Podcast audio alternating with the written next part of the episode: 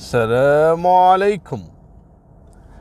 قبل لا أبدأ قصة الليلة أحب أوجه شكر لشخصية اللي هو رجل الاعمال أحمد صالح أرميخاني من أهل القصيم وبريده طبعا هالرجل هذا أنا أسمع فيه ويشهد الله من أكثر من 15 سنة لكن حصل بيني وبينه تواصل اليومين اللي ماضيين هذول. والرجل سمع قصة المرأة الأصيلة اللي هي رقمها 773 المرأة اللي راعت زوجها رغم المرض اللي حصل فيه وكذا لين توفى الله يرحمه. وربت عيالها السبعة وكانت قصتها فعلا أنا كنت متأثر فيها. فقدم رجل الأعمال أبو صالح هدية لهالمرأة هذه. عبارة عن طقم ذهب بقيمة من 10000 إلى 15000 ريال.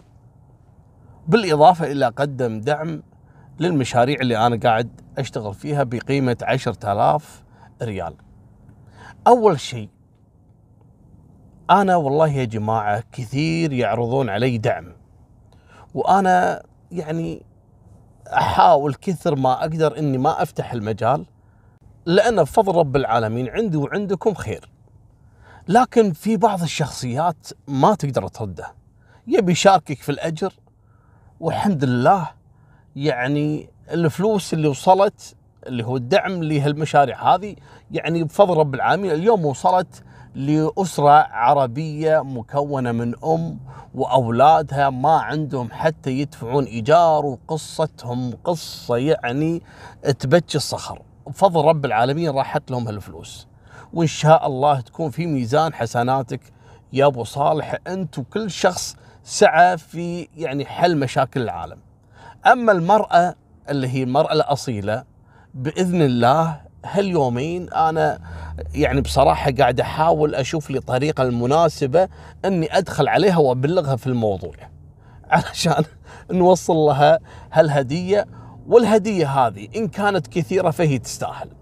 وإن كانت قليلة فتجملها النية مبادرة أبو صالح. الله يعطيه الصحة والعافية أبو صالح. يعني أنا يعني ضغطت عليه لين يعني وافق إني أذكر اسمه لهدف. أبو صالح قبل أربع سنوات الله يشفيه ويقومه بالسلامة تعرض لوعكة صحية بسبب خطأ طبي. فقد فيه البصر. وإلى اليوم وهو الرجل الله يشفيه يا رب فاقد البصر ويسمع القصصي يعني حتى ما يعني ما يشوف أنا شنو قاعد أصور اللي هي الطرق والشوارع. فتأثر في قصة المرأة هذه وشلون يعني كفاحة في الحياة. وهو رجل أعمال الله يعطيه الصحة والعافية ويكثر خيره ويرزقه ويشفيه بإذن واحد أحد. فأتمنى منكم أنكم تدعوا له ورب أن شخص فيكم من بين هالمليون المتابع انه لو يدعي رب العالمين إنه ما يرده. والدعاء لأخيك المسلم في ظهر الغيب مستجاب. قصة الليلة حصلت في محافظة الحديدة طبعا محافظة الحديدة في اليمن آه هي مطلع على البحر الأحمر ويسمونها كذلك عروسة البحر الأحمر. مميزة في آه بعض المنتجات الزراعية ومنها الفل شجرة الفل هذه اللي عندهم نبتة.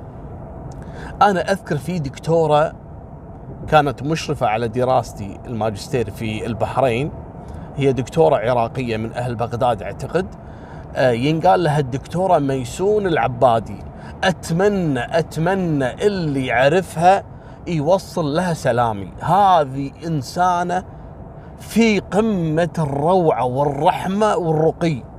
والله العظيم يا جماعة ما مر علي إنسان يعني علمني ولا درسني ولا أشرف على دراستي مثل الدكتورة ميسون العبادي.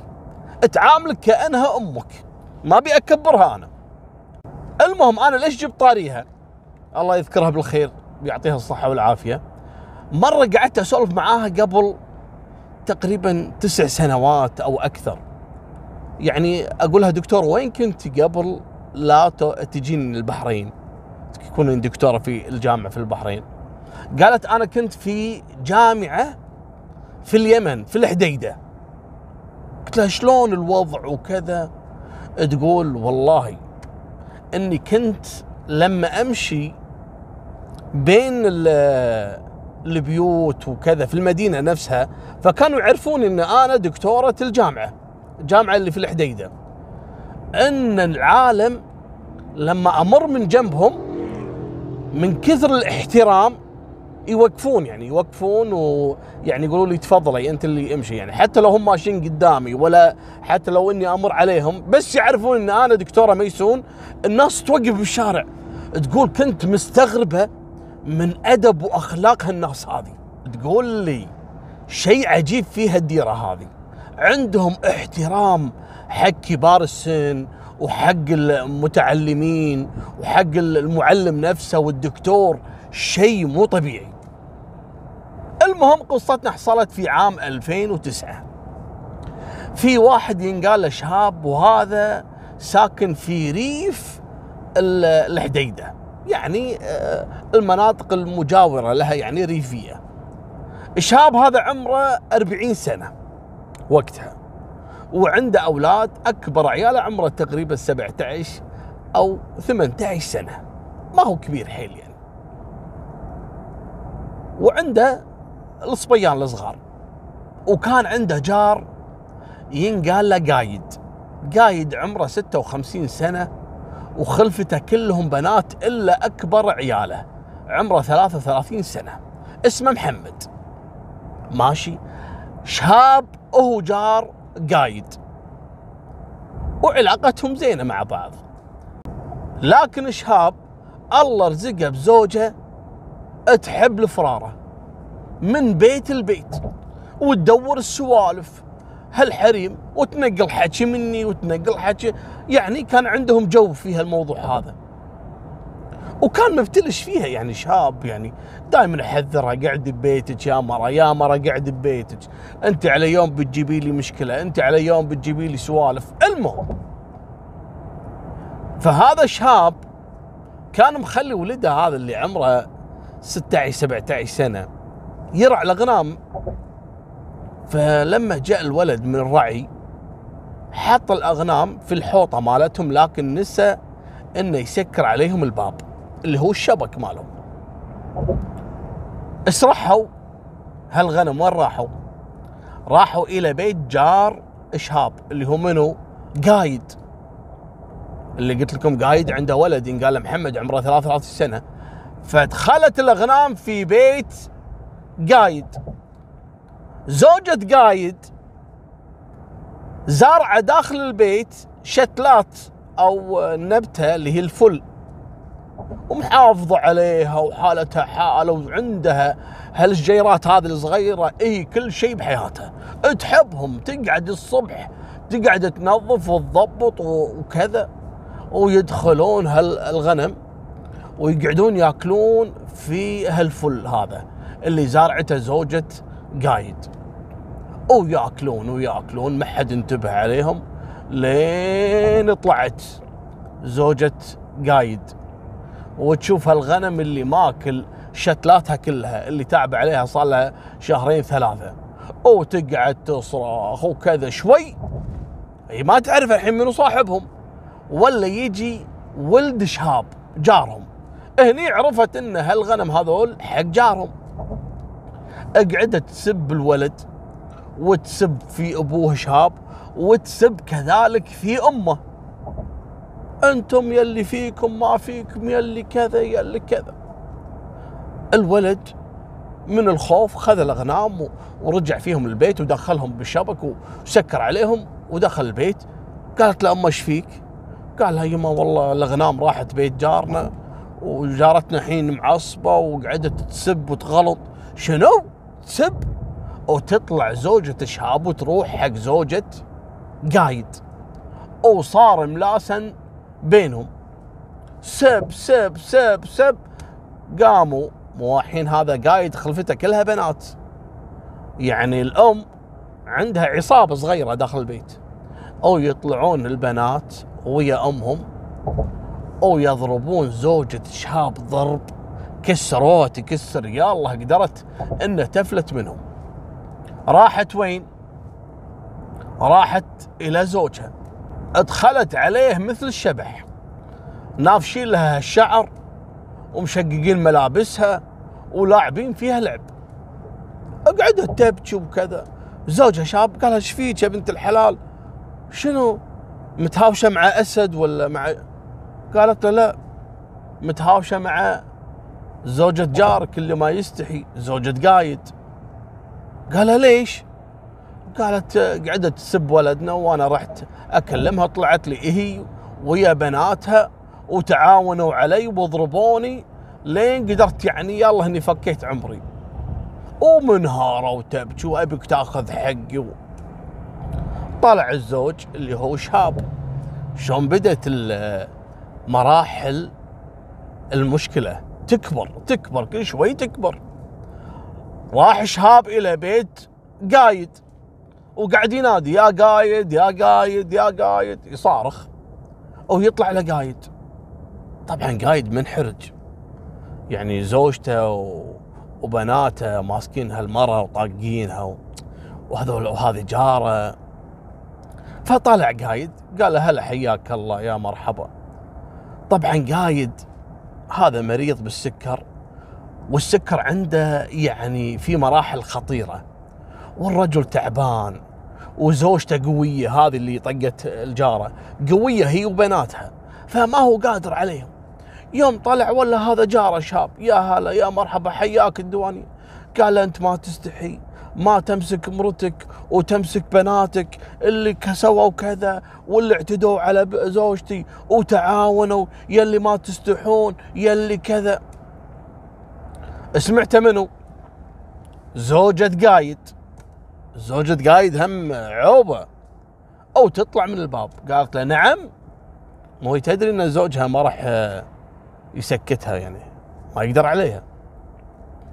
أو تقعد تسب فيه وتسب بزوجته وتقول له روح لو فيك خير امسك زوجتك هذه اللي تفتر من بيت البيت اللي فيها وما فيه وتطعن في شرفها.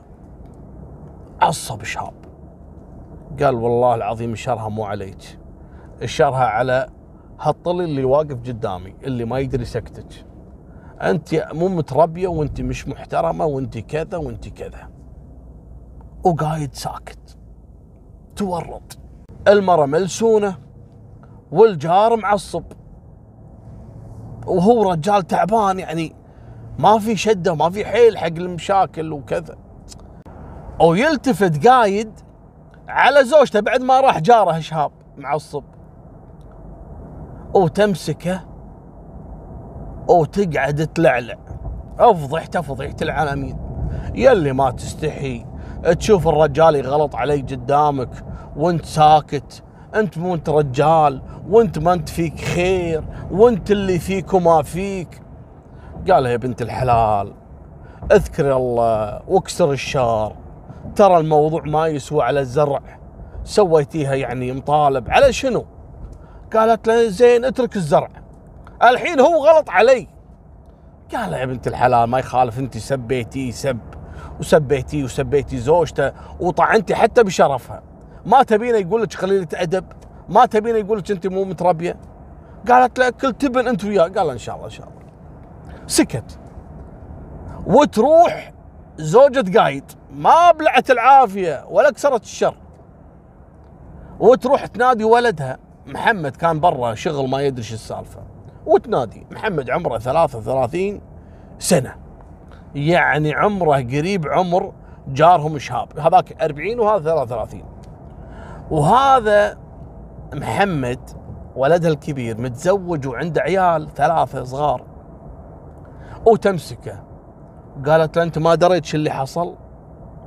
قال لا والله يما إيش صاير؟ قالت له جارنا شهاب جاء وسبني وهاني وغلط علي قدام أبوك وأبوك ما سوى شيء. وأنت ما أنت ولدي وأنا متبرية منك إلى يوم القيامة. الجنة اللي تحت أقدامي ما تشم ريحتها إذا ما تأخذ حقي من شهاب. وهذاك يطير بالعجة. شنو؟ إي غلط على أمي قالت له إي نعم. مو محترمك ولا محترم أبوك ولا قدرنا ويغلط على مرة وأنا ما عندي أحد يحميني. وينجن الولد. الأم تقول له ما في أحد يحمي أمك.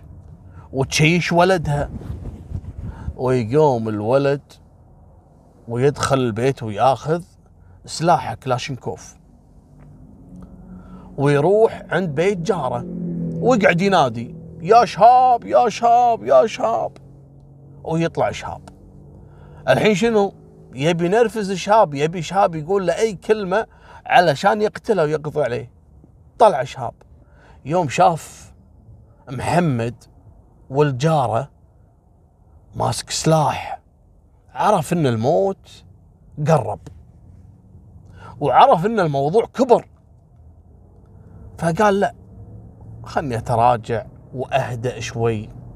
وهو بعد طبعا بعد ما تركهم ومشى من بيتهم يعني هدى شوي وبدأ يفكر بعقل. ويوم شاف الولد ماسك سلاح قال لا لا لا ما يخالف هذا جاري وأنا ممكن غلطت. المهم قال له يا محمد أنا آسف وأنتم مثل أهلي وإحنا جيران وإحنا كذا. قال ها يعني الحين خفت. يعني أنت الحين ما أنت برجال. يعني أنت الحين دجاجة. وشهاب ساكت. يبي يطول باله يقول الله يلعن الشيطان. تعوذ من الشيطان.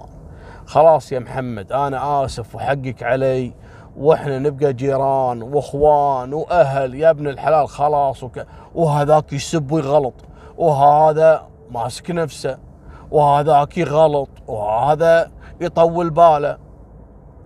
قال يبا هذا ما ينفع معه أنا ما أبي أكبرها. قام شهاب ودخل بيته وسكر الباب. وهذاك استمر يسب يسب ويغلط على شهاب وعلى زوجته وعلى هلا وك وشهاب ما رد عليه. يوم زوجته قالت له يا شهاب هذا قاعد يغلط عليك. قدام الناس قال لك لتبن ولا أسمع صوتك. أنت ترى أساس البلاء. سكري فمك يعني وقعدي في البيت. ترى موضوع يعني تافه وكبر وهو ما ما يسوى. محمد يوم قاعد يسب يسب يسب وشهاب ما رد عليه. سكت ورجع.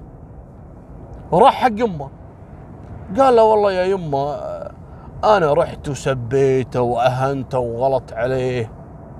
وتقوم أمه وتتفل في وجه ولدها محمد. قالت له الحين أقول لك الرجال يسب أمك ويغلط عليها ويهينها. وأنت تقول لي أنا رحت سبيته؟ ترى السب والشتيمة للحريم. الرجال ما يشتم الرجال يمد إيده على طول. شل أم القشرة حسبي الله عليك. والله ما تبي تجيب هالبر. ويتنرفز محمد من جديد. قال له يمه أوعدك إن هاليومين بتسمعين خبر إشهاب. قالت له كفو كفو يومين ولا تتاخر قال لها أبشر يا يمه. وفعلا محمد سوى قام بالروحة والردة ماسك السلاح وكل ما مر على صوب شهاب يقعد يسب فيه ويسب بزوجته. يبي نرفز شهاب يبي شهاب يقول كلمة بس. وهو مستانس يقول أسبه وساكت ولا وصدق عمره يعني طار بالعجه على قولتهم. يسب وهذاك ما يتكلم. تمادى. كل ماله قام يغلط زيادة كل ماله قام يغلط زيادة. قدام الناس في السوق في المسجد في الشارع وشاب ما يتكلم؟ اشهاب يا طول باله.